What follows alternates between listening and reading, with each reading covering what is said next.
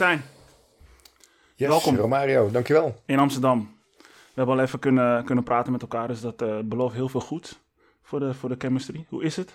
Goed, goed. Ik lig hier lekker. Ik voel me eh, als een soort diva die zich op de sofa heeft eh, neergevleid bij de, bij de psycholoog. Fijn, oké, oké. Het is geen, geen gedwongen positie van jou uit. Je vroeg mij om er lekker bij te gaan zitten of Ja. liggen. En, ik lig er lekker bij. Dus, Mooi, eh, mooi. Ja, het is geen therapie-sessie hoor, voor de mensen die, eh, die luisteren. Eh, maar ik vind het wel fijn om mijn, mijn gast natuurlijk zo comfortabel mogelijk te maken. En je komt ook ergens vandaan, dus dat vind ik dan ook wel heel belangrijk dat, het gewoon, dat je comfortabel zit. Want je komt zelf uit Breda, zoals je net aangaf. Geboren getogen. Nee, ik ben in Montfort getogen, ge- geboren in Utrecht. Kort in de beeld gewoond en het gros van mijn jeugd in eh, Montfort gewoond. Mhm. Klein dorpje, boerendorpje. En eh was nog in de tijd van, eh, van de Zundap-brommers en de, de tijd dat de, de, de eerste of, Zundap-brommers. of de roodbrommetjes net kwamen. eh, Ja. Stoer over de crossvel of over de maisvelden crossen. En dat is mijn jeugd. Ik ging naar school in, eh, in Woerden. Wat voor school was dat dan? Is het een katholieke school? Nee, scholengemeenschap. Eh, Ja. Dat is wel interessant dat je het vraagt. Ik, Montfort is een over, overwegend een katholiek dorp, maar er staat Ja. ook een gereformeerde of hervormde kerk. En ik zat op een, denk ik, gereformeerde school. Daar, eh, daar hield de school zich eh, heel veel eh, bezig met bijbelkennis. Ik vond het zelf knijter raar. Ik, ik snapte niet waarom of je al die hoofdstukken uit de Bijbel uit je hoofd zou moeten kennen. Het leek me veel logischer dat je begreep waar het, waar het om ging. Mm. Wat de strekking van het verhaal was. Maar het rijtje stampen, dat was, ik weet niet hoe het nu is in het onderwijs, maar het rijtje stampen met bijbelhoofdstukken, tafels, noem maar op. dat, dat was toen echt belangrijk. Heb je die vraag ook nooit kunnen stellen? Aan je ouders bijvoorbeeld? Nee hoor, nee. Ik, eh, ik, ik was als jong mens helemaal niet goed in, in staat om vragen te stellen. Hmm. Dat, dat vond ik eng. Want dan, dan zou dat erop, denk ik, op kunnen duiden dat ik iets niet zou weten of niet zou begrijpen. En ik vond dat ik ge- geacht werd dingen te begrijpen. En ik vond het veel gemakkelijker om gewoon boos te worden. Over de school, of boos over dit, of boos over dat. Dus vroeger eh, liepen bij mij, ik, ik was echt een binnenvetter. Dingen liepen net zo lang op, vragen of, of probleemkwesties, totdat ik het eh, op ongepaste wijze uitte. Een soort van kortsluiting. Kortsluiting. Mag ik dat zo stellen? Ja, ja, ja, ja. En dat, dat werd dan eh, boosheid. Ehm, maar maak ik gelijk even een bruggetje naar boosheid. Ik vind nu, eh, in de training en coaching die ik vanuit het bedrijf doe, hou ik me heel veel bezig met emoties en gevoelens. En het valt me altijd op dat in sociale context, maar ook in zakelijke context, allerlei emoties eh, heel erg mogen. Hè. Je mag verdrietig zijn als je als Mhm. kerel tegenwoordig je verdriet durft te tonen. Nou, jongen, jongen, jongen, loftuigingen eh alom, lofprijzingen. Het wordt, meer, het wordt steeds meer normaal gevonden. Dat wordt normaal gevonden. Maar Ja. weet degene die een keertje pislink wordt, omdat er iets niet lekker eh, loopt, omdat hij moeite heeft om zijn emoties te duiden, eh, wat dan ook. Ja. Dus al de, de, de zachte emoties vinden we allemaal prima. Ja. Maar die harde emotie, boosheid, die zit nog in het verdomhoekje. Hmm. dat vind ik dan wel opvallend, dat we o zo holistisch proberen te doen. Maar eh, eh, niet, niet alle emoties mag je uiten. Hmm. Maar ze, ze heeft dan ook weer niet te maken met het feit dat ehm, als je verdriet, verdriet hebt, is het vaak niet een aanval naar een andere persoon. Maar als ik boos ben, is het wel een aanval. Nou, dat, dat, dat zou je gauw als aanval eh, kunnen zien. Maar Ja. boosheid is in mijn beleving. ken, heeft twee bronnen of twee voordelen. Ja. Het, het een is eh, een verdedigingsmechanisme. Hè. Mhm. Al- Als ik boos ben, dan moet je wel een beetje uit de range van mijn vuisten blijven. eh, Mhm. Heel eh, primitief gezien. En boosheid geeft een enorme kracht. Mhm. Het is wel de, de dark side of the force. Het is wel een, een, een duistere kracht. En als je die verkeerd toepast, dan vloeit er bloed. Hmm. En dus als je je boosheid in, in sociale of zakelijke context toepast, dan, dan kan dat al heel gauw een negatief gevolg hebben. Ja. Maar als je daar bewust van bent en je voelt die boosheid, dan kan je die kracht ook op een eh, mooie manier gebruiken. Om, het geeft je drive, het geeft je power om dingen voor elkaar te krijgen. Kan je mij een voorbeeld hiervan geven? over hoe je boosheid kan inzetten om, om, ehm, ja, om eigenlijk het juiste te doen. Dus even kijken waar ik dat. eh, dat is natuurlijk het interessantste als ik een voorbeeld geef van mijzelf. Want dan weet ik echt waar het om gaat. Want bij een ander dan zou ik iemand anders gedrag eh, maar moeten interpreteren. Ehm, Kan ook in de opvoeding zijn, hè? een, een afgezwakte vorm van boosheid, een, een, een voorloper, is natuurlijk frustratie. Ja. Ik merk in mijn zakelijke processen wel eens frustratie. Ja. Dan kan ik de waan van de dag laten overheersen en over mijn gevoel heen walsen. Ehm, gewoon doen alsof er niks aan de hand is. Dan, dan, dan voel ik, dan toon ik de boosheid niet. Dan, dan druk ik de boosheid weg. Maar als ik die boosheid aandacht geef en dan word ik nog gefrustreerd, nog gefrustreerder, nog gefrustreerder. Het komt s'nachts misschien een keertje terug dat ik er ergens slecht van slaap. En dan, dan denk ik, ja verrek hé, ik heb hier iets te pakken. Een gedragspatroon van mezelf of een zakelijk proces wat ik nog niet op orde heb. Ja. En daar word ik dan boos om. En initieel eh, merk ik die boosheid naar de ander gericht. Ja. Maar uiteindelijk eh, ben ik gelukkig oud en ervaren genoeg om, om te merken dat het dan vooral om mij gaat. Tenminste, de, oorzaak en degene Ja, die er iets aan kan doen, dat ben ik. Dus dat, dat, dan dwingt die boosheid, die is extern gericht is, Mhm. die dwingt mij maar om naar mezelf te kijken en het probleem op te lossen. Ja. En dan heb ik een enorme hoeveelheid power, Ja. want dat probleem is echt huge geworden door al die boosheid. Ah, dus hoe langer je het blijft analyseren, hoe meer je tot de conclusie komt dat het, een, dat het iets van jou zelf is. Ja, en hoe langer ik blijf hangen in analyseren, Ja, dan krijg je die draaikolk van de woede, ja, dat wordt steeds groter. ja. Dus als ik die analyses maar door laat gaan en door laat gaan, kopjes, er, rondjes draaien in mijn kop, dan wordt het probleem dus steeds groter. En op een gegeven moment heb je dan niet meer de keus eh, om, om het aan te pakken. Dan moet je wel gaan aanpakken. Klopt. En, maar dat kan dan net te laat zijn. Dat je die boosheid echt gaat uiten naar mensen op Ja. ongepaste wijze. Ja, En ehm, dat is een, voor mij ook een leerproces geweest om daar bij tijds bij te zijn. ja. En dan kan ik nog assertief zijn in plaats van agressief. Hmm. Dat is veel beter. Ja, zo, hoe ik er nu zo over nadenk, kan ik me ook wel voorstellen dat het ook wel een. een, een ehm, ook wel zelf, zelfkennis vereist. Want voor sommigen is het gewoon onmogelijk om die frustratie zo, zo hoog te laten oplopen. Dus je zou, voordat je überhaupt zo lang kan analyseren over jouw boosheid, zou je echt wel wat werk moeten verrichten om te kijken hoe je die boosheid ook gewoon bij zou kunnen houden. Ja, Lijkt mij. Ja, ja, ik zie het vaak bij mensen die we, die we begeleiden. Mhm. Ehm, we, we doen het liefst outdoor trainingen. Dan, daar, daar vindt heel veel in plaats. En dan kunnen we de druk op, op deelnemers nog wat extra opbouwen. Door eh, eigenlijk die hele Maslow-pyramide van, van eh, genoeg voeding, genoeg slaap, genoeg warmte. door elkaar te schudden. En de mensen in een enorm oncomfortabel gebied Ja. fysiek te brengen. Hm, waardoor ik. Eh, emotionele oncom- on- discomfort ook groot wordt. Ja. En dan krijg je frustratieuiting, verdriet, et cetera. En dan is het heel aantoonbaar. En dan kunnen we er ook echt iets mee. Dan kunnen we ook echt een gesprek over houden. Dan kan je het ook echt voelen. En als dan vraag aan jonge deelnemers: van, joh, je, je begint nu te huilen, wat, wat gebeurt er bij je? Dan blijft het vaak stil. En zeggen mensen: dat weet ik niet. Ik voel iets, maar ik heb nooit geleerd om een, een woord te koppelen aan dat gevoel. Ik herken dit gevoel wel uit het verleden. Het gebeurt me vaker. Maar kennelijk vluchten mensen dan voor hun gevoel en gaan iets anders doen. ehm, of, of vluchten in, in consumptief gedrag bijvoorbeeld.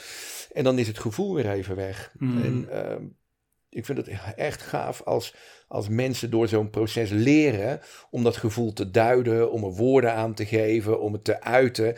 Om, en om het in de toekomst sneller te, te herkennen bij zichzelf. Hmm. Dus als je niet weet wat iets is, dan kun je er ook weinig mee. Hmm. Ja. Dan wil ik wel vragen, uit wat voor gezin kom jij zelf? Want je hebt zelf net aangegeven dat jij een, een binnenvetter was, Mhm. bent, weet ik niet. Was. Ik kan nog steeds. Nee, ik denk dat ik veel, veel. Nee, ik denk wel dat ik extrovert genoemd kan worden. Maar ik kan nog steeds bepaalde dingen binnenhouden. Ja. Ja. Nee, ik kom uit een, eh, een veilig gezin. Eh, twee ouders, eh, nooit gescheiden. een jonge broertje. Een prima school gehad. Ik vertelde net al, gereformeerd opgevoed. Voor- vind het achteraf wel fijner, fijn om enige bijbelkennis te hebben. En of het nou uit de Bijbel of uit de Koran komt, eh, dat eh, interesseert me eigenlijk niks. Ik vind het. Ik, ik zou het iedereen gunnen om op een bepaald gebied van geloof. Daar heb ik nog niet echt over spirituele beleving, maar, maar het geloof, de geschriften, Mhm. om daar enige kennis van te hebben. Dat, dat geeft je een, in mijn beleving een fijn wereldbeeld. Een verrijking en ook, ik denk ook meer begrip voor de mensen die, ja, die, dat, eh, die die richtlijnen echt, echt geloven en ook echt naleven, denk ik. Ja, ja, ja, ja. En ik heb eigenlijk pas veel later, eh, want op jonge leeftijd vond ik het geloof eigenlijk al helemaal niks meer hoor. Het begin van de puberteit heb ik daar ehm, nou, niet afstand van gedaan, maar ik hield me er niet meer mee bezig en ik vertikte het ook nog om met mijn ouders naar de kerk te gaan. Maar ik ben er heel lang tegen het geloof geweest. Tegen het, dogmatische, de doen wat er in het geschrift staan. Die tien geboden klakkeloos opvolgen. Eh, en dan kijk ik wel eens naar met name katholieke mensen die het hele jaar zondigen. Of het hele jaar na- naar de kerk gaan. Dan met carnaval eh, mogen zuipen, alles naaien wat los en vast zit. eh, roken, noem maar op. En daarna dan gaan we weer vroom naar de kerk. En dan zeggen we weer: Oh, moet je nou eens kijken wat die en die doet. Dus ik, ik had echt een negatieve smaak aan het het geloof overgehouden. En pas later in mijn leven ben ik dingen vanuit de Bijbel gaan interpreteren. Mhm.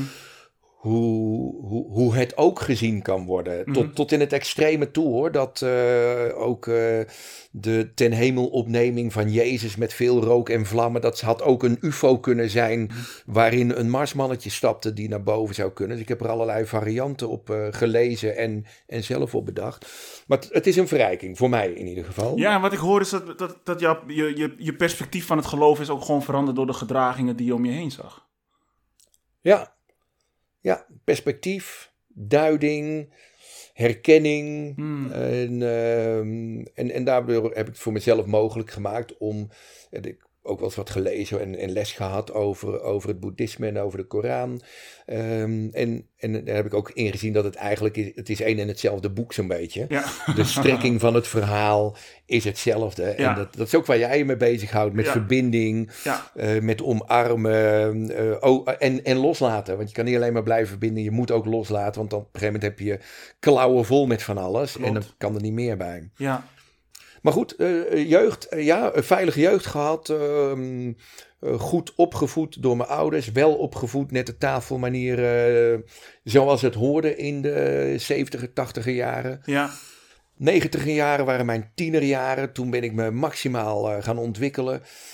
En ik heb me ook echt wel ontwikkeld. Ik, ik heb ook wel ontdekt later, ik was alweer helemaal vergeten, dat ik op mijn off the road brommetje door de aula, door de schoolgangen heen ben gereden. Ik wist het al niet eens meer dat ik van die, van die brute puber dingen deed. Ik had op mijn vijftiende had ik met een paar maten een autootje gekocht.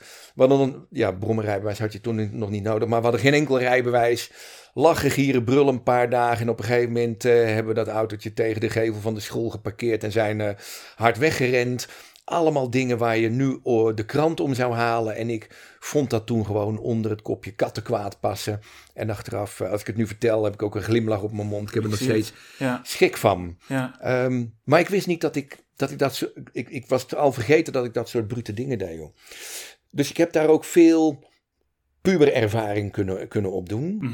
Ehm, tegelijkertijd zat ik dus wel in een bepaalde beperkte omgeving. Een klein boerendorpje, christelijke achtergrond. En dat leidde ertoe dat ik dacht dat alles wat niet boers en blank en rechtlijnig was, dat dat zeker niet goed was. Dus alles wat afweek, en daar heb ik heel lang in mijn leven last van gehad. En andere mensen hebben daardoor weer last van mij gehad. Alles wat afweek was niet oké. Je moest echt wel binnen de kleurtjes blijven. Terwijl ik toch stiekem van die, van die, van die bizarre puberstreken uithaalde. Vond ik toch wel intern dat je eh, binnen de lijntjes moest blijven. Je was toen eigenlijk al recalcitrant. recalcitrant vanuit mezelf. Mhm. En voor mijzelf kon ik dat prima goed praten. maar ehm, eh, narcistisch, overheersend, dominant naar andere mensen. Bij maatschappijleer werd mij gevraagd wat ik van homofilie vond. Nou, ik vond dat die mensen medicatie nodig hadden en anders therapie, want zo had de lieve heer het toch niet bedoeld. Ehm, dat kon niet, dat was afwijkend. De hele klas viel over mij heen. De leraar maatschappijleer werd boos. Ehm, en, en daarop werd ik weer boos. Hè, vanuit het lang opkroppen. Ja, Ik werd weer boos. Hey, je vraagt me toch om mijn mening. Ja. Ik krijg een potverdorie, is ook weer niet goed. ja. Ehm, eh, mensen met een, een donkere huidskleur. Er zat een, een donker meisje bij ons in de klas. Maar ik had nog nooit met een donker meisje in de klas gezeten. Ik was er heilig van overtuigd dat hij, dat hij terug moest naar haar eigen land. Ik vertelde dat ook aan haar vanuit een kinderlijke eh, onnozelheid. Onschuld zal ik niet zeggen, maar onnozelheid. Meisje in, in tranen en tuiten, de hele klas weer boos op mij. Denk, Nou, waar gaat het om? Eh, alle negers moeten toch terug naar hun eigen land? Dat hoor je ook wel eens op de televisie. Heel, heel beperkt. Jouw geloof was, Ja. was, eh, was de waarheid. hè? Dat was mijn waarheid. Wauw. Ja. En nu zit je hier als een compleet andere man. En in die tussentijd ben je ook nog eens in, eh, in Spanje gaan wonen. Waarom ben je überhaupt naar Spanje gegaan? Het avontuur, jong zijn. Ik was op, eh, zo vroeg mogelijk eh, in dienst gegaan. Toen had je nog de militaire dienstplicht. Daar zocht ik ook het avontuur. Ik, ik wilde stoer zijn. Dat kwam toch na Spanje? Nee, nee, nee, nee, nee. Ik ben op mijn zeventiende geloof ik eh, Mhm. in dienst gegaan, direct naar de HAVO. En ehm, toen kwam ik erachter dat ik daar eigenlijk niet goed gedijde. Ik vond het een klein eng groen wereldje met al die regeltjes, waar ik me nog zeker niet aan kon conformeren vanuit een bepaalde vrijheidsbehoefte. Daarop ben ik het totaal andersom gaan doen. Ben ik naar Spanje gegaan. Weg van huis, weg uit dat boerendorpje. Ik, ik vond er helemaal niks meer aan. Ik wilde de, de grootsheid, de wijsheid opzoeken. En zo ben ik in Jorette Mar terechtgekomen met eh, ongelimiteerde vrijheid. Mijn geld was er binnen de kortste keren doorheen. Ik had een baantje in een eh, discotheek als propper. En, eh, en later, toen ik het wat serieuzer ging, ging zien als portier. Ehm, ik had elke week had ik, had ik salaris nodig. Ik kreeg dat ook niet maandelijks. Maar nou, en de laatste twee dagen kwam ik op de Bonnefoy door van de week. Want ik verbraste alles. Ehm, ik, ik, ik, ik niet in, in, in seks en drugs en rock'n'roll. Maar het was er wel allemaal. En ik heb, eh, ehm, ik, ik heb vrolijk rondgekeken wat de wereld allemaal te bieden had daar. Dus als je jong mens bent, tenminste, ik vond het daar echt helemaal super. Heb je dus ook niet toegegeven aan verslavingen die zo, eh, Nee, zo dichtbij waren? Nee, nee, nee, nee, nee. En wat ik, eh, niet ik overheen pra- praat nu, maar wat me net te Ja. binnen schoot, wat ik ook echt geweldig vond. Ik heb daarna, een, een jaar of vijf geleden, heb ik nog eens een reunie gehad Mhm. met heel veel lui uit Jorette Mar. In Jorette Mar hebben we die reunie gehouden. Daar kwamen we erachter dat de verbinding die we hadden enorm is. Mhm. En zo realiseer ik mij, als je dus als, als eenling ergens naartoe gaat, dan heb je heel veel behoefte aan verbinding. Mhm. Er kwamen daar allemaal bravoure-achtige mensen, mooie mensen ook, eh, jongens en meisjes. Eh, maar wel mensen die, die een bepaalde daadkracht hadden, een bepaalde assertiviteit om, om, uit hun, om hun geboortegrond los te laten. Maar toch voelden zij op een of andere manier die eenzaamheid en die, en die, die noodzaak naar verbinding. Ja. En die was zo sterk. Nou, wat was dat? 30 jaar later, 35 jaar later. Dat het weer als vanouds was om elkaar te zien. En dat iedereen weer eh, mooie levensverhalen zonder blad voor de mond met elkaar eh, kon delen. Mm. Ehm, ik denk dat ik in die periode enorm veel geleerd heb over sociale omgangsvormen. Er zijn voor elkaar, eh, ook er niet zijn voor mensen die er ook niet voor jou zijn. Hoe kleed ik me? Ehm, hoe, hoe kap ik mijn haar? Hoe eh, kam ik mijn haar? Hoe ga ik om met, met vrouwen? Eh, hoe, hoe ga ik om met vrienden? Een enorm leerzame periode. Dus een ander soort fatsoen dan dat je vanuit huis hebt meegekregen. Het was geen fatsoen, want ik, ik, nou, misschien was het wel fatsoen, maar ik interpreteer fatsoen iets wat je wordt opgelegd of, of Mhm. aangeleerd. Het was een, een innerlijke reis, Mm. zonder dat ik toen daar op holistische wijze mee bezig was. Bewust van was, ja. Maar, maar ik, ik leerde mij aanpassen en ik leerde omgaan met mensen. Ik, ik leerde sociaal te zijn. Mm. Ja. Gelukkig dat je dat daar hebt geleerd. En toen kwam Nou, je terug. gelukkig ik was nog niet uitgeleerd hoor. Ik, dat- daar is het begin gemaakt. Laat ik Ja, zo maar gelukkig zeggen. dat daar het begin Ja. is gemaakt. Ja. En eh, je kwam toen terug naar Nederland. Ehm, en ja, je vertelde jouw ouders, eh, wat, ik, wat ik dus zo heb gelezen, eh, met tranen in jouw ogen, dat jij niet wilde doen wat zij verwachten van jou. Ja, eh, mijn ouders die, ik, nou laat ik zo zeggen, ik had mijn ouders het idee gegeven dat ik de hogere zeevaartschool zou gaan doen. goede opleiding, op een nette manier de wereld rond, gestructureerd, et cetera. En ik vond het eigenlijk doodeng. Vandaar tranen in mijn ogen. Het was niet omdat ik bang was mijn ouders verdriet te doen, maar het Ja, was angst om te vertellen wat mijn echte behoefte nou was. Oké. En toen ben ik weer teruggegaan naar Juret. Ben ik daar nog langer gebleven. En die hogere zeevaartschool gelaten voor wat het was. Ja. En op een gegeven moment kwam ik aan de deur te werken. En toen heb ik eh, ja, logischerwijs eh, een aantal geweldsincidenten gehad. Al dan niet door, door mezelf veroorzaakt. En de laatste keer, toen werd het eh, wat bloederig. En het duurde weer heel lang voordat die, die persoon weer tekenen van leven gaf. En toen dacht ik, ja, hey, kak, dadelijk ben ik 22. Zit ik in een gevangenis hier in Spanje. Dan krijg je al heel gauw aids. Eh, toen hoorde Spanje nog niet bij de Europese gemeenschap. Ging anders met mensenrechten om. En ik bleef toch die hang houden naar defensie. Ondanks dat ik het jaren daarvoor een klein eng groen wereldje vond.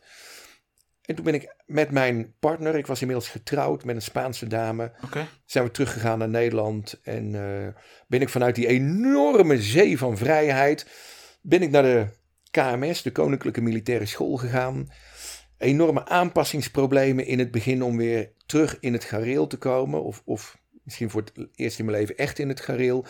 En om daar ook in mee te gaan in dat gareel. Want ik werd daar opgeleid als onderofficier, maar ook als instructeur. En als je instructeur bent, dan word je geacht mee te gaan. Dan word je geacht dat gareel waar je zelf in gedwongen wordt ook nou, aan andere mensen op te leggen. Dat was toen wel zo. Inmiddels is het wat anders binnen Defensie. Wordt er veel minder opgelegd. Er wordt, worden dingen verwacht van mensen. Mhm. En, en als je daar niet aan voldoet, dan wordt er een gesprek aan, aangegaan. Wat, wat, wat die persoon en wat, wat jij als defensie-uitdrager dan, dan wel verwacht. Dat is een stuk vrijer geworden. Maar in die tijd was er nog iets meer kadaverdiscipline. Zoals, ik- zoals ik het hoor, ehm, lijkt het alsof, je nu, alsof er nu toch nog net wat meer ruimte is om jouw mening te laten, laten gelden. Jouw mening te laten horen, überhaupt. Nou, Een zeker. mening te geven. Zeker, niet, niet alleen je mening. Ehm, op het moment dat de baas zegt uitvoeren mars, dan moet het ook uitgevoerd worden. We kunnen niet op het moment dat er eh, op je geschoten wordt een discussie gaan voeren over het beste plan. Het is dan eh, uitvoeren mars. Eh, je hebt zo'n spreuk, dekken, dienen, hulzen maken. Mhm. Gewoon gas geven. En alles is beter dan niets doen. Ja, Dus überhaupt actie. ja. En daar, daar gaan we dan niet over in discussie. Maar daarbuiten eh, is er veel ruimte voor eigen inbreng. Vakbekwaamheid vanuit de onderste regionen. De, de soldaat, mitrailleurschutter of de, de soldaat eh, pionier. Die, die, die pionier die bepaalt hoe er een deur uitgeblazen wordt. En dat gaat een officier niet bepalen, want die weet er helemaal geen bal van af. Die weet andere dingen. Mhm. Dus zo'n jongen die dan misschien met pijn en moeite MBO 2, 3 eh, heeft kunnen volbrengen, die gaat dan wel aan een academisch afgestudeerde officier uitleggen dat hij die deur eruit gaat blazen op die en die wijs. En daar heeft die officier vrij weinig over te vertellen. Hmm.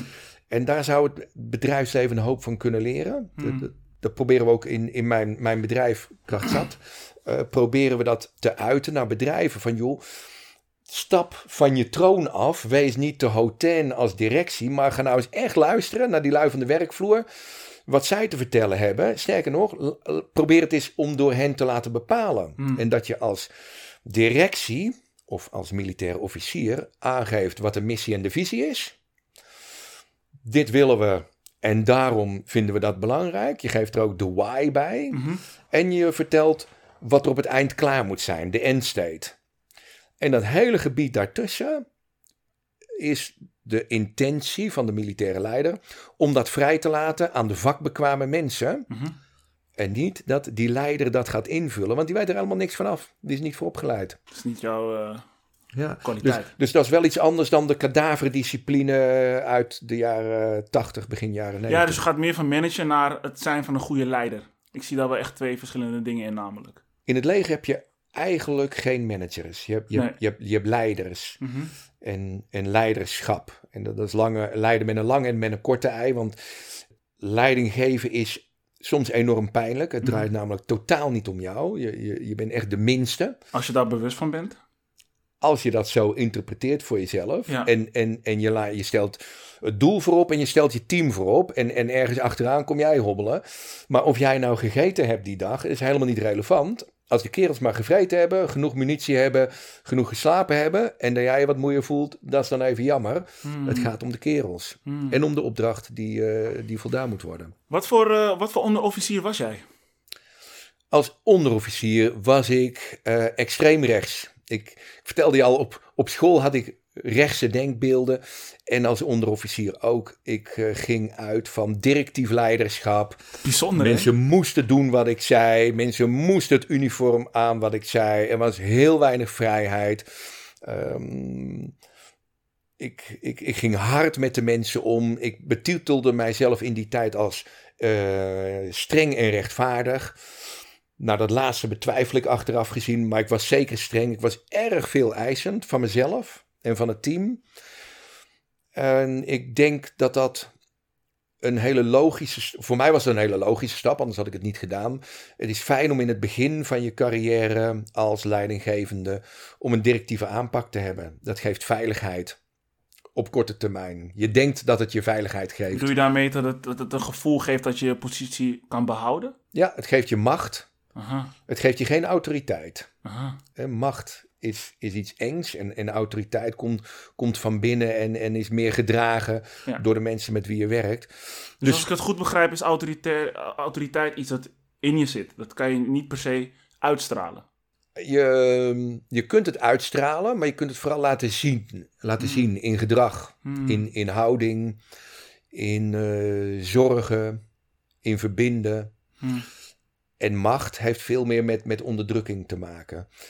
En, en mijn carrière is dus heel erg machtgericht geweest in het begin. Daar is een groeiproces geweest. Op een gegeven moment werd ik instructeur op de militaire academie. Ja, Daar zat ik tussen die, die twee dingen van, van autoriteit eh, en, en macht in.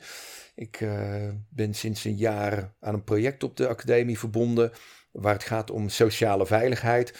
Om mensen te laten zien van hé hey, ja, zo ben ik ook geweest. En nu denk ik er zo over. En ehm, dan kan ik ook de connectie maken met mensen die nog wat jonger in die groeicurve zitten. Wat, wat vroeger in die groeicurve zitten Hm. dan anderen. ja. En, en hoef ik mensen niet belerend toe te spreken. Maar ja, die kerel die iemand afsnauwt, die kan ik volledig begrijpen. Want eh nou, 20 jaar geleden, nou 25 jaar geleden, deed ik dat ook. En vond ik dat ik volkomen in mijn recht stond om dat te doen. En dat dat heel erg nuttig was. Hm. En ondertussen heb ik geleerd dat er andere wegen zijn. Dus ik kan me makkelijk verbinden met mensen die nog niet verder op hun, hun, in hun groei gekomen zijn. En zo kan ik ze helpen om wel verder te komen. ja. Ehm, maar maar daar heeft een, een, een groei plaatsgevonden op eh, de academie. Daarna ben ik officier geworden op de militaire academie.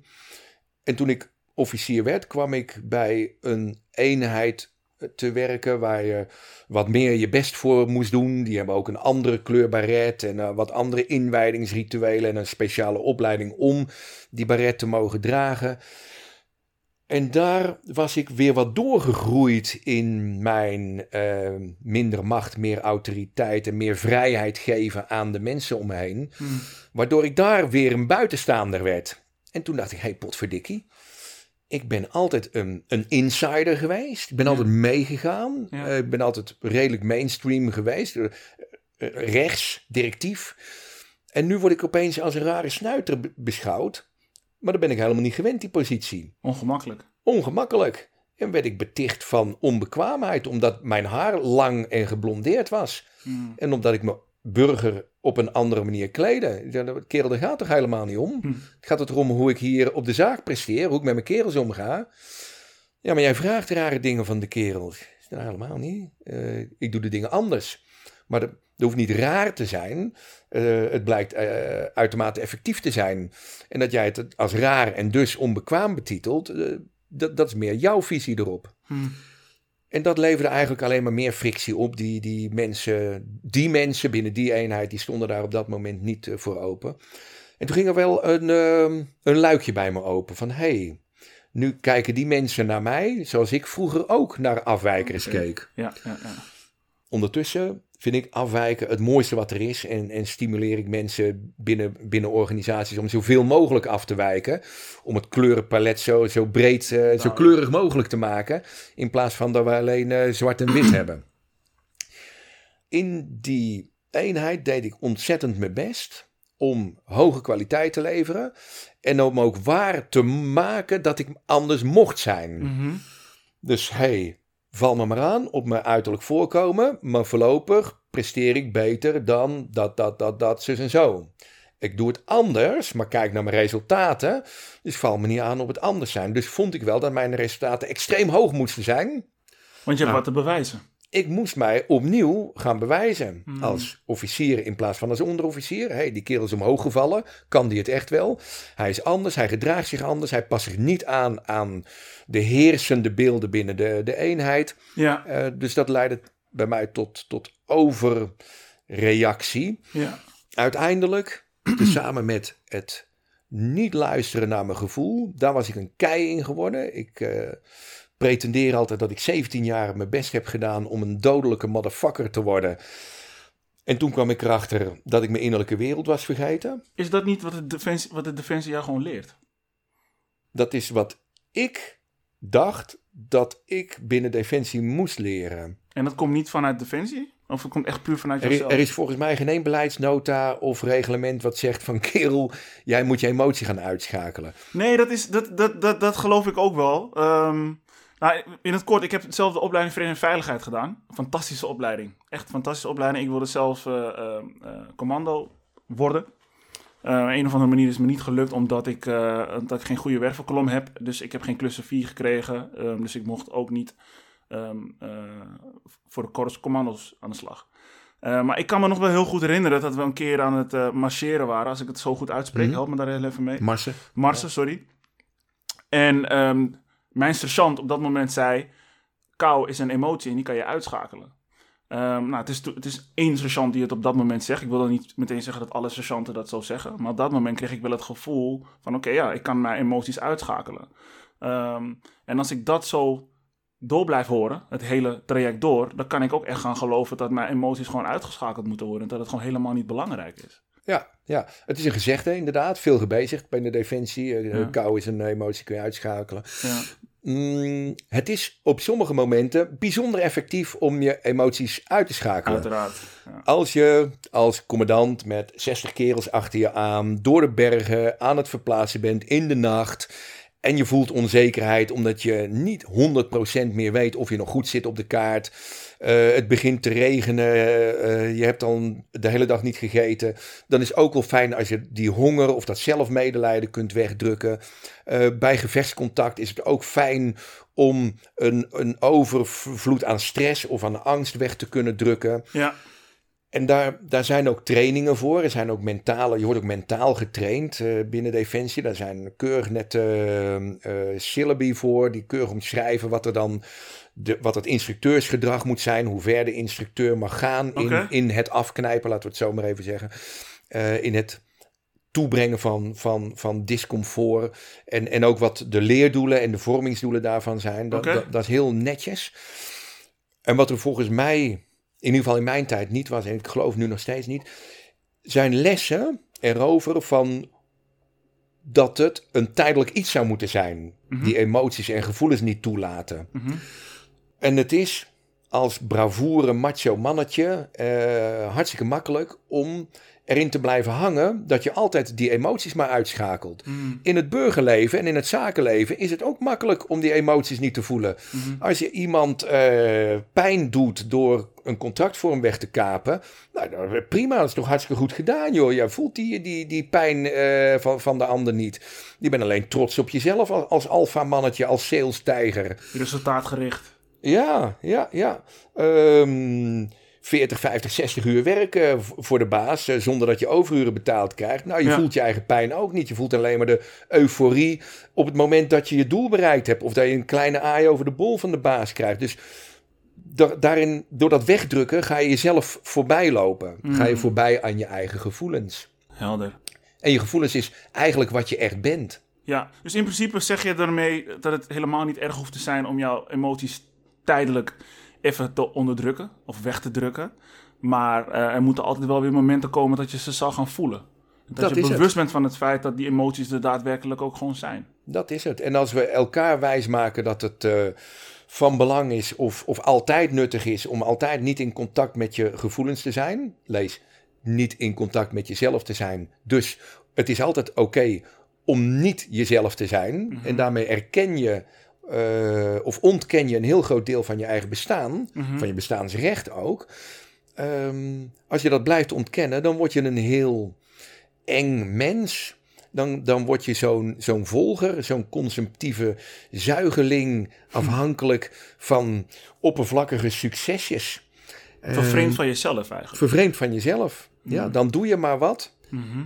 zonder nog dat je weet waarom. Puur voor, voor wat, wat primitieve dingetjes als een beloningje of een, een snoepje of, of, of een nieuwe auto. Iets of wat dan ook.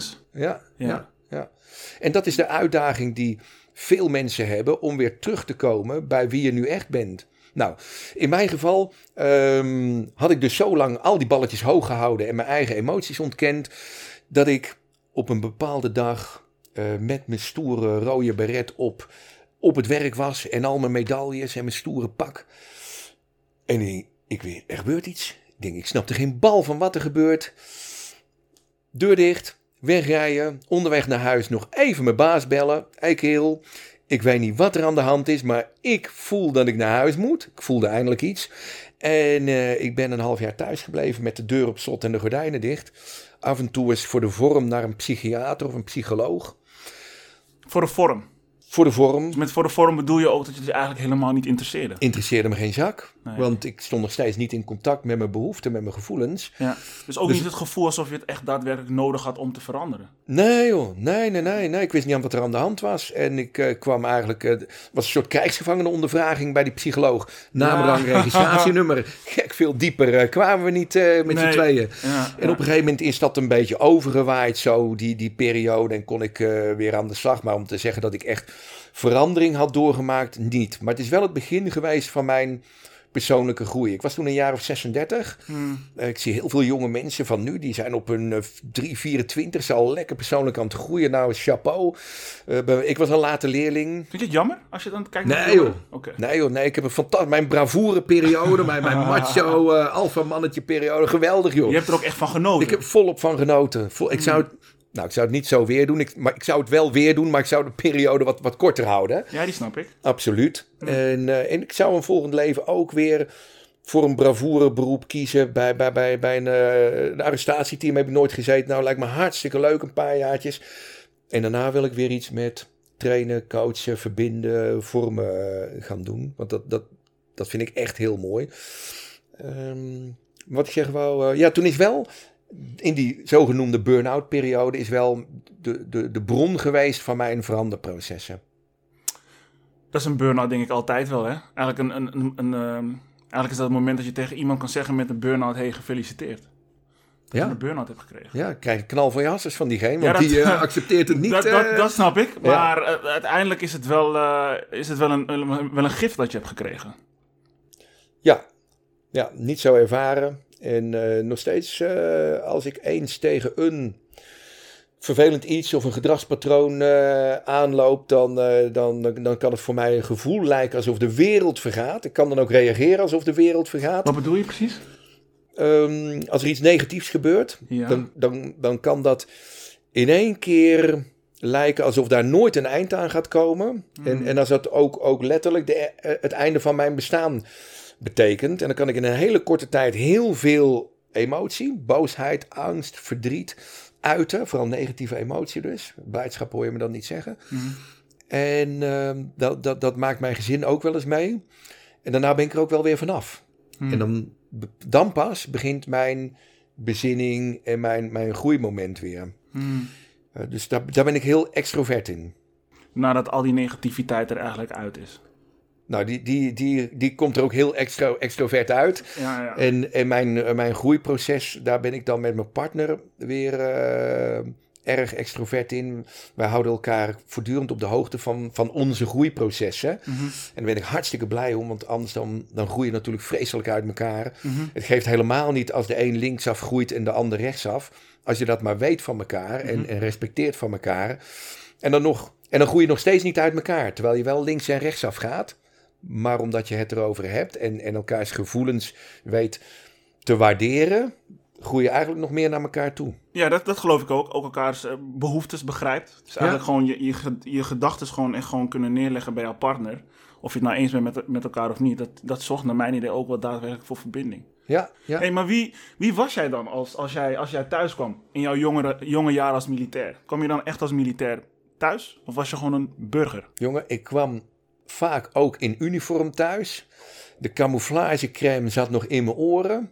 Ik uh, rook nog naar het verblijf te velden. En ik praatte altijd wat harder. En, en, en ik praatte door mijn neus. Ik gebruikte vakjargon. En uh, doe ik nog steeds wel eens als ik met, met, met, met wat maatjes uh, oude koeien uit de sloot haal. bij, bij het tweede biertje. Dan, toch? dan gaat iedereen wat harder praten en meer, meer uh, vakjargon en stoere dingen vertellen. Um, nee, ik was, ik, was, ik was niet Martijn. Ik was de sergeant of de luitenant. maar ik zo, dacht, werd je, zo werd je ook gezien thuis? daar heb ik het nou, ik heb dadelijk nog een leuk voorbeeld. Zo, zo, werd ik ook wel gezien. En met name mijn, mijn huidige partner, we zijn al dik twintig jaar samen, zag wel wie er diep in mij zat. Mm. Die zag de eigenlijke schoonheid van mij. Maar die was nog ver verstopt en die, zat zeker, die was zeker goed gecamoufleerd door het camouflage-uniform. letterlijk en fysiek. Ja, of ja, zeg het letterlijk goed? Nee, en figuurlijk, fysiek. En, ja, ja, ja. ja. ja. Um, maar ik was zeker niet, uh, niet mezelf. Er was op een gegeven moment een baretuitreiking van uh, de 60 man met, met wie mijn eenheid begonnen was. Waren er gemiddeld zo'n 20 die kregen dan hun rode baret. Hartstikke mooi uh, in, uh, in Oosterbeek, waar de slag om Arnhem plaatsgevonden had. Er werd publiek uitgenodigd, er waren helikopters. Uh, vanuit met, met een paradropping werden de rode beretten naar beneden gebracht. Mijn club, waar ik trots voor stond, ik, ik en mijn instructeurs hadden hen opgeleid. Mm um, en, en er was ook een tribune. En ik dacht, nou, dat is nou eens leuk. Dan kan mijn vrouw zien wat voor een werk of ik doe. Dus uh, ik had haar uitgenodigd en zij zat op de tribune. En ik sta daar zelf al met de rode baret, trots op de club. Ik deel die rode beret uit aan die jongens. We spuiten bier over ze heen, want dat, uh, dat vinden we dan leuk. Nu, nu denk ik ook van ja, toch wel, wel een beetje een banaal, uh, primitief gebruik. Maar alleen, we vinden dat leuk. Mm -hmm. En het publiek mocht de pupil, de, de, de, de, de nieuwe sol, nieuwbakken soldaat komen omarmen en uh, verwelkomen. Dus de mensen komen van hun tribune af. Mijn partner komt ook op me afgelopen. Ik sta daar, daar staat geen Martijn Meerwijk, daar staat de luitenant Meerwijk, de luchtmobiele krijger. Ik steek mijn hand met een uitgestrekte arm uit. Ik pak haar hand, ik zeg hallo en ik schud haar de hand. Kerel, je eigen vrouw die je niet eens een knuffel geeft. Mm -hmm. Het was niet expres. Ik schrok, ik schrok me kapot. Ik denk, wat doe ik nou, joh? Je zat in je rol. Ik was mijn rol. Ja. Ja. Ja. Ik was een soort, ja, de, de despersonalificatie eigenlijk. Ik, ik was de, het luchtmobiele idool waar ik zelf in geloofde. Hmm. Angstaanjagend. En, en dat realiseerde ik me toen. En dat is ook weer een stap geweest in mijn groeiproces. Van, hé hey joh, ik, ik, dat, dat is niet waar. Dat ben ik niet. Ik speel het maar. En zo ben ik weer een stapje verder gekomen bij het minder acteren en het meer zijn van mezelf. Langzaamaan. Langzaamaan, ja. ja. Hey, ik, hoor je, ik hoor je ook een stukje zeggen over, over uh, sociale veiligheid. Um, als het goed is zijn er ongeveer, hè, ongeveer 70.000 mensen bij de Defensie. Waarvan 6% vrouwen zijn. En uh, nou, ik ben dan ook gaan kijken van oké, okay, waarom is het 6%? Waarom is het niet meer? Waarom is het minder? Maar uiteindelijk willen ze dat het 30% wordt. Uh, maar het schijnt wel zo te zijn, weet je, het is wel een macho cultuur. Mm -hmm. Dus um, de, de manier zoals er naar vrouwen wordt gekeken, hè, kan best wel um, denigrerend zijn. Het kan best wel denigrerend gesproken worden over vrouwen. En dat is natuurlijk een van de redenen waarom, uh, uh, ja, de, waarom de percentage maar op 6% blijft. Hoe zou je die percentage kunnen verhogen? Geen idee joh, maar ik ben er om te beginnen een voorstander voor van om meer diversiteit binnen defensie te krijgen. En dan mm -hmm. heb ik het helemaal niet over welke kleur je huid is of, of, of uh, wat voor een eh, seksuele geaardheid of je hebt, of, of misschien of je wel of niet borsten hebt. Maar in algehele zin diversiteit. Dus ik zou heel graag zien dat je bij een, een uh, gevechtseenheid met allemaal brute krijgers, dat je daar een laffe anarchist bij hebt zitten. Mm. En die niks van discipline moet weten. Mm. En als we met alle gevechtsmannen zeggen, we moeten dwars door die betonnen muur heen, mm. dat die anarchist zegt van, nou joh, uh, je kunt er ook een laddertje pakken joh. Waarop iedereen denkt, ja, oh ja, ja, shit, dat kan ook. En, en een andere lafaard in de ogen van, van de stoere krijgers, die zegt, nee, maar je kunt er ook om het muurtje heen lopen. Oh ja, shit, dat kan ook.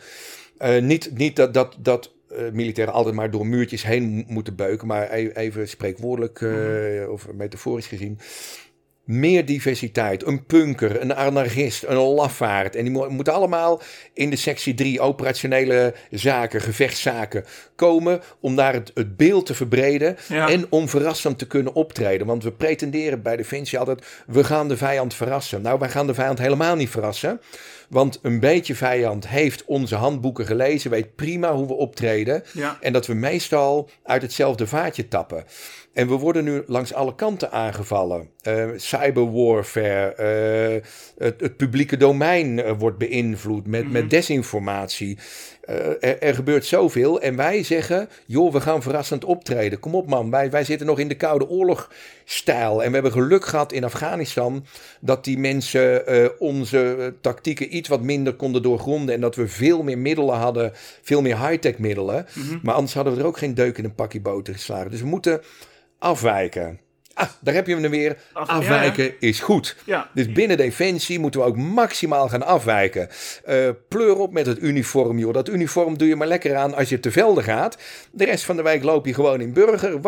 En, en waarom moet je de hele week lopen showen met al die sterren op je schouder, joh? Doe normaal. Dat is toch heel achterhaald. En uh, dat je een uh, stoerdere kleur uh, baret hebt, een rode of een groene. dat is ook hartstikke mooi. En die doe je maar netjes op bij beëdigingen en, en bij borrels waarin je het deftige tenue aantrekt. En dan kun je gelijk even pronken met, me, met je medailles, want dat hoort er natuurlijk ook allemaal bij. Ja. Maar durf gewoon eens anders te zijn, joh. Ja. Nou, als je daar alles mee begint, en dat is misschien iets veiliger dan... Ehm, uh, te zeggen, joh, uh, laat alle vrouwen, homoseksuelen, et cetera, waar we dan doelgroepen van maken.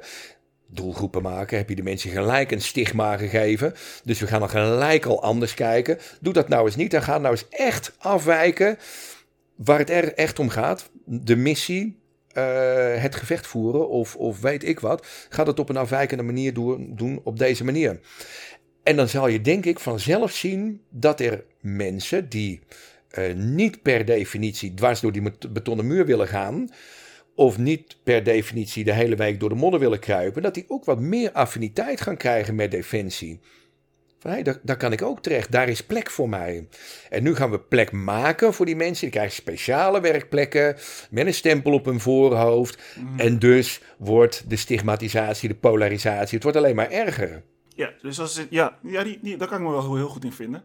Dus als je de, uh, als je de diversiteit aanpakt. Echt diversiteit? Aanpakt, dan kan het ook wel effect hebben op de, de intentie waarmee je het werk verricht. Op de mindset. Het gaat ook uh, invloed hebben op je eindproduct. Mm. Dat gaat veel diverser zijn, veel verrassender, mm. um, breder of dieper. En dan kan je zelf bepalen wat je daarmee wil. Ja. Dus je moet eerst uh, to shape the battlefield conditions. Elke operatie begint met shaping the battlefield conditions.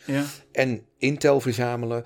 Laten we nou de battlefield conditions voor diversiteit gaan shapen door aan onze eigen mindset te werken. Als blanke Arische vent durf ik dit zo te zeggen, mhm. omdat ik het rendement ervan zie. Maar ik heb ook het andere rendement gezien van toen ik als rechtlijnige blanke Ariër opereerde. Ja. Uh, en en dat, dat rendement was er, maar het was beperkt. Ja. En het was een gemakkelijk rendement, omdat ik hoefde daar minder mijn best voor te doen. En nu moet ik uit mijn comfortzone komen om andere ideeën, andere mensen toe te laten. En dat is wat ik in, in, in mijn huidige werk doe. Dan gaan we voor, voor het effect. En dan zie ik wel wat ik daar zelf allemaal wel niet voor moet afpellen. En hoe, hoe bloot of ik mezelf daar wel niet voor moet geven. Ja, die snap ik. En je doet nu natuurlijk ook nog, uh, je doet nog trainingen voor de defensie. Of je geeft nog trainingen aan, aan de defensie. Eh, de- ja, ik, ik help Defensie daar af en toe mee, maar het is niet mijn core business, maar ik vind Nee, het gaaf om te doen. Eh, Nee, dat snap ik. Maar wat ik, wat ik dan bedoel is, je bent nog enigszins betrokken. Ja. Dus je ziet nog wel, eh, eh, je krijgt nog het een en ander mee. Ja. Zie je natuurlijk, zie je dan ook dat er meer diversiteit is dan in de tijd dat- toen jij offici- onderofficier was? Ehm, ik denk dat er meer eh, aandacht voor diversiteit is. Hmm. Ik denk zeker bij de gevechtseenheden, waar natuurlijk vooral een, eh, een mannelijke populatie zit, ehm, dat, dat daar heel weinig grond nog is voor diversiteit. Oké. Laat staan dat er diversiteit is. Ja, ja, ja, ja. Maar goed, het feit dat het besproken wordt is al een heel mooi punt. Ja, maar we blijven in bespreken. Oh ja? Eh, en er blijven mooie plannen komen. En de minister heeft vorig jaar een keiharde, de min- minister of de staatssecretaris, weet ik even niet, keiharde opdracht gegeven. Hey, jullie moeten dit en dat gaan bereiken Mhm. op diversiteit. En de Nederlandse Defensieacademie heeft dat heel serieus opgepakt. Ja, En daar is het ook weer bij gebleven. Het kabbelt nu een beetje voort. Ik heb daar geloof ik eh, over één of twee weken een gesprekje over. Om, om te kijken hoe we er weer energie in kunnen steken. oké. Maar hey, alle commandanten die, die moeten daarmee aan de slag van de minister. En ze doen het potverdorie helemaal niet. Hmm. Er zijn andere dingen belangrijker.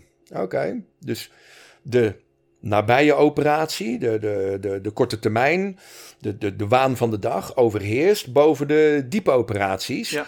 En we vinden dan diversiteit, eh, ja, sociaal wenselijk zeggen we wel dat we het er helemaal mee eens zijn. Ja, En elke generaal gaat je vertellen dat er heel veel aan gedaan wordt. ja, En elke onderofficier die zal zeggen, flikker op joh, doen we niet aan. ja. Het wordt toch niet zo gezien als een prioriteit. Kennelijk? Ja. Hmm. Kriebelt het wel eens? Om eh, het uniform weer aan te trekken. Ja joh, ja joh. Ik heb wel slapeloze nachten als mensen zeggen, joh Martijn, je, nu, nu niet meer hoor. Ik ben nu 52 en, eh, Ja. en, en ik, ik vind dingen nog steeds gaaf, maar ik, ik heb weinig behoefte meer om, om dagenlang nat tot eh, op mijn onderbroek door, door het bos te sjouwen en spannende dingen te doen. Ja, Maar in voorbije jaren wel. Ehm, gelukkig is mijn bedrijf heel erg, eh, nee, voor de helft gebaseerd op militaire principes. ja, De andere helft gebaseerd op, op zeg maar de zachte kracht, die ik later in mijn leven heb ervaren. En de helft van het team waar, waar we mee werken bestaat ook uit militairen of eh, ex-militairen. Dus daar kan ik nog redelijk eh, mijn ei in kwijt en, en af en toe eens eh, stoere praat uiten. En, Ja. eh, en, en, en ook eens even lekker ma- macho praat uiten. Prima. Ja. Ja. Ik heb natuurlijk, eh, ik, heb, ik ben natuurlijk op de website geweest. Ik heb natuurlijk het een en ander eh, bekeken over, jou, eh, over jouw organisatie. Ik mis daar, als ik naar de foto's kijk, mis ik daar die diversiteit waar jij het zo, Mhm. zo over hebt.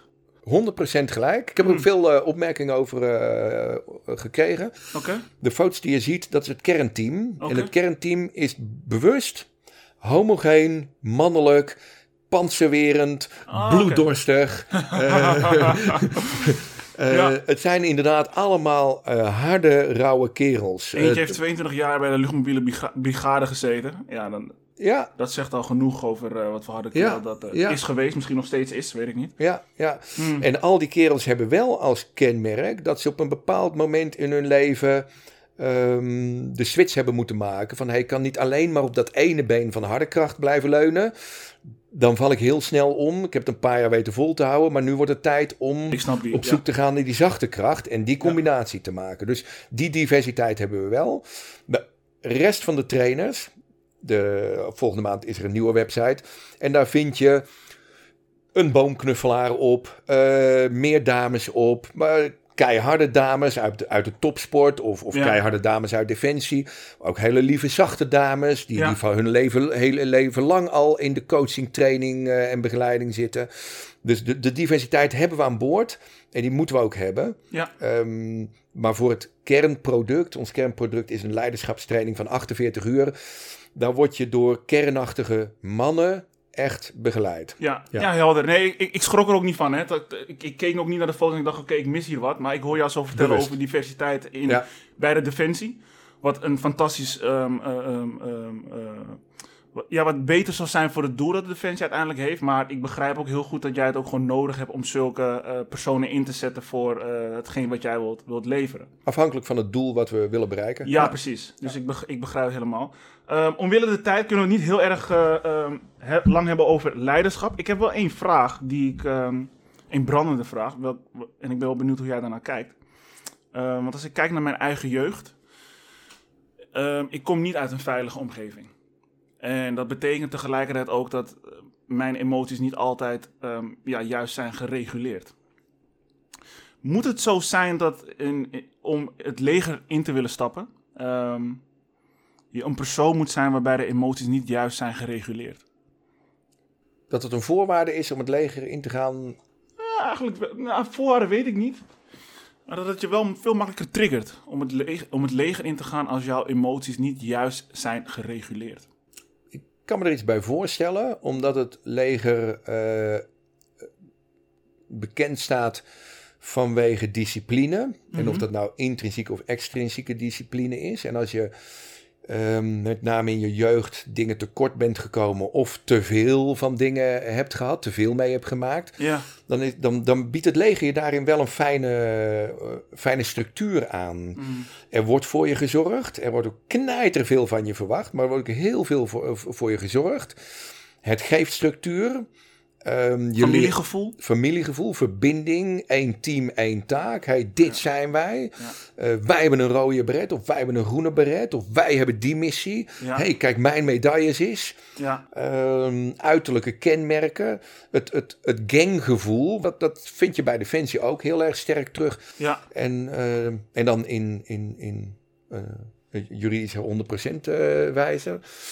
Mm, maar er zit altijd wel een randje aan, aan het ganggevoel waarin je kunt doorschieten. Dus als je met een club van heel veel krachtige mannen zit, of man, mannen die zich uh, op één bepaald vlak heel krachtig hebben ontwikkeld, maar ook dingen tekort zijn gekomen in hun jeugd bijvoorbeeld, en elkaar daarom treffen in een bepaalde omgeving, dan, dan kan je daar ook in excelleren. Mm -hmm. Maar je kunt ook buiten je boekje gaan. Mm -hmm. en, en dat gevaar zit er bij Defensie ook in. En dat, daar staat Defensie ook wel eens in de krant. En mede daarom is sociale veiligheid en diversiteit ook weer van belang om daar een soort natuurlijke tegenhanger in te, in te vormen. Elkaar daarmee te confronteren voordat het te ver gaat. Ja, en ook om enigszins die eigen waarde gewoon in stand te houden.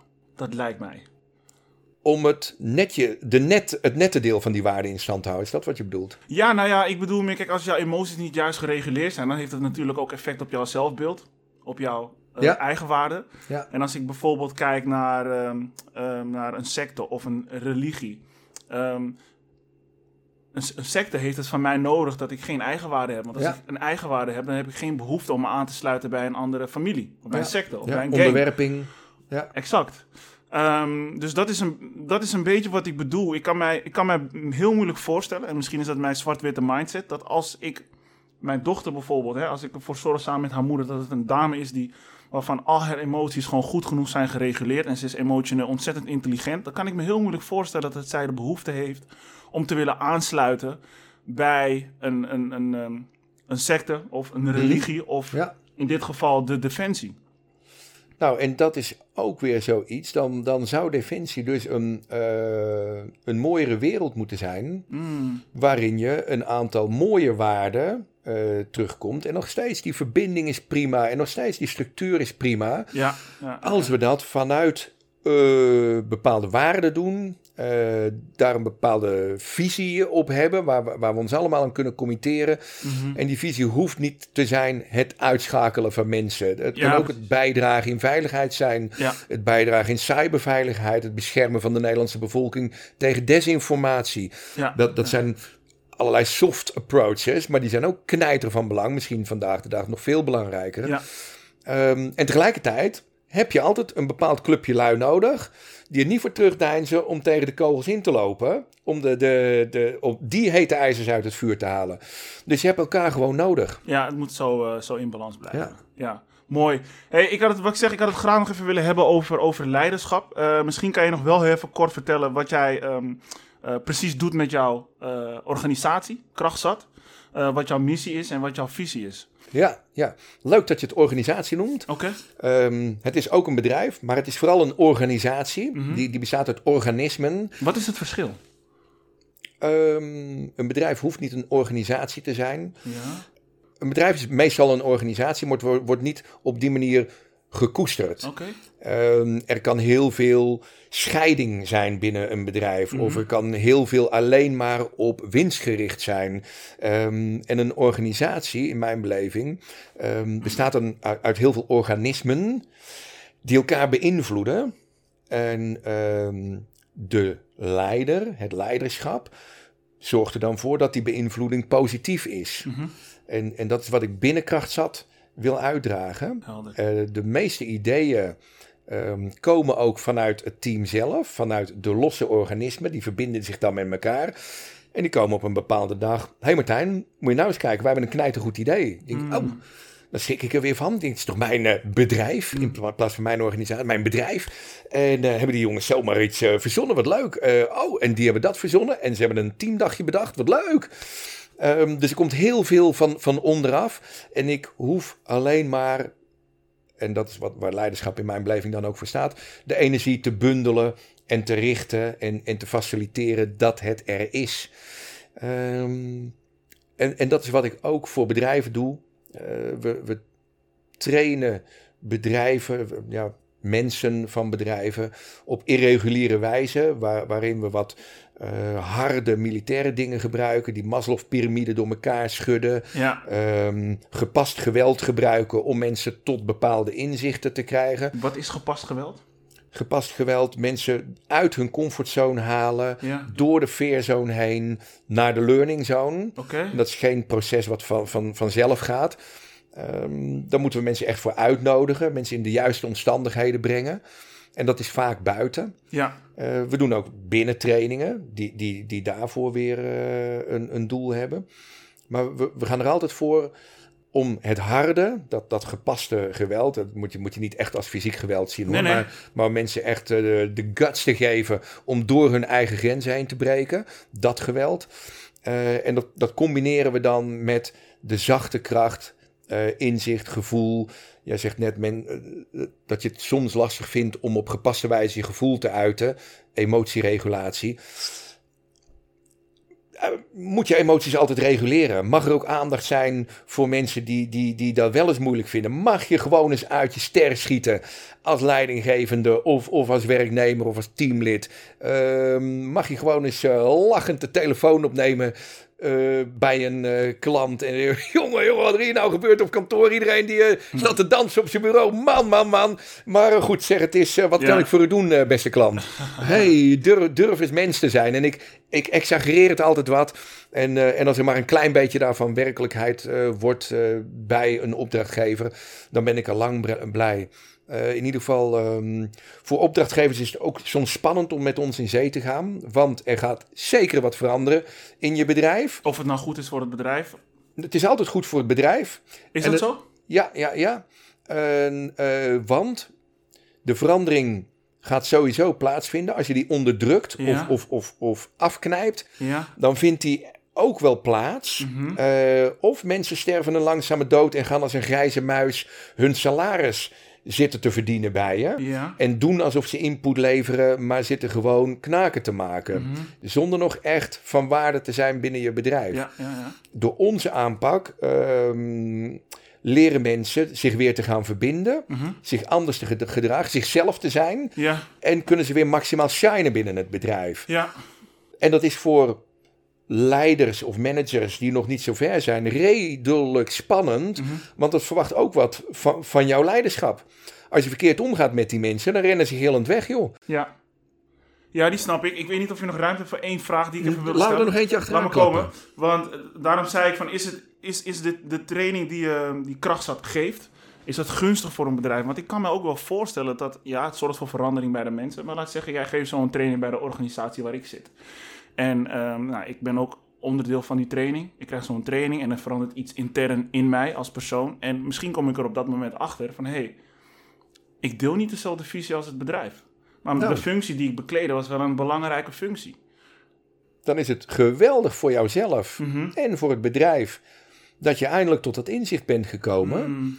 Omdat je anders een saboteur zou zijn van je eigen leven. En zonder dat jij of je CEO het zou weten, zou je ook als die grijze muis je eigen bedrijf of het bedrijf waar, waar je onderdeel van uitmaakt, gaan saboteren. Ja, Je wordt een naar mens, je gaat slecht om met je medewerkers. ja, ja. Medewerkers komen in een burn-out, jij komt in een burn-out, conflict op conflict. Het wordt één grote teringzooi, alleen maar omdat jij nog niet geleerd hebt om in contact te staan met je gevoel en met je behoeften. ja. Nou, als die behoefte aan, eh, aan bod komt, dat mensen ontslag nemen, ehm, joh, daar, daar ben ik alleen maar kei trots op. ja. En beter nu dan over tien jaar, na, na tien jaar te hebben eh, gesaboteerd in een bedrijf. Ja, en dan kunnen we dan weer, eh, kunnen we nu meteen weer gaan bouwen. Ja.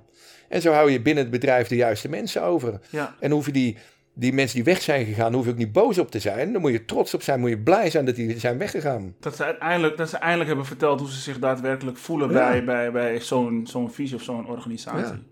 Helder. Martijn, ik, eh, ik wil je bedanken. Ik vond het sowieso heel mooi dat je zo open bent geweest over hoe jij was als mens. Weet je hoe je dan vertelt over eh, jouw klasgenootje die, eh, waarvan jij vond dat zij eh, hier niet hoort. En dat je daar nu gewoon heel anders over denkt. Tenminste, dat, dat mag ik hopen. En dan ga Zeker, ik, ook, dan ga ik ervan zeker. uit als je zulke, zulke trainingen geeft. En eh, ja, dat geeft me ook weer moed om ook te beseffen dat, eh, dat je op elke leeftijd gewoon nog steeds de mogelijkheid hebt om te veranderen. En Ja. dat geldt voor iedereen. Eh, waar kunnen mensen jou het beste vinden? Op eh www.krachtzat.nl, op info.krachtzat.nl eh, via de mail. En eh, LinkedIn gebruik ik zakelijk eh, echt veel. Ook een Facebook en een Insta-account, maar dat is voor mijn doelgroep eigenlijk niet. Instagram zie ik je ook niet zo heel ac- actief op. Nee, nee, Nee, nee. nee. nee, Oké, LinkedIn, ik probeer twee keer in de week een bijdrage erop te zetten. Waarvan er eentje iets moet bijdragen aan Ja. mensen. Waarin ik iets nuttige informatie wil meegeven. ja. En eh, daarnaast eh, is er ook altijd eentje meer op sales eh, en marketing gericht. Dat is ook gewoon nodig in deze tijd. hey Martijn, eh, bedankt. Ook ehm, voor het feit dat jij mij ehm, toch een ander beeld hebt gegeven van de defensie. Dat was in mijn hoofd natuurlijk ja, best wel negatief en heel erg gericht op, op drillen, indoctrinatie. Maar er komt veel meer bij kijken. Heel veel positieve dingen en ook voor, de, ook voor de mens zelf. Dus ik zou dat zeker wel aanraden voor een, voor een ieder. Om te kijken wat het voor jou zou kunnen doen. Dus dat vind ik een mooie. Dus ik wil je alleen maar bedanken daarvoor. Jij ook bedankt. En ook eh, bedankt eh, aan de mensen die eh, luisteren. En eh, hopelijk hebben jullie er allemaal iets aan. Eh, als je feedback hebt eh, die je wilt delen, nou eh, ja, graag kom erop. Ik vind feedback niet altijd leuk. Ik baal er wel eens van. maar het heeft een hoog rendement qua eh, leercurve voor mijzelf. Dus Ja. eh, kom maar door. Mooi. Martijn, bedankt. Dankjewel. Verbinden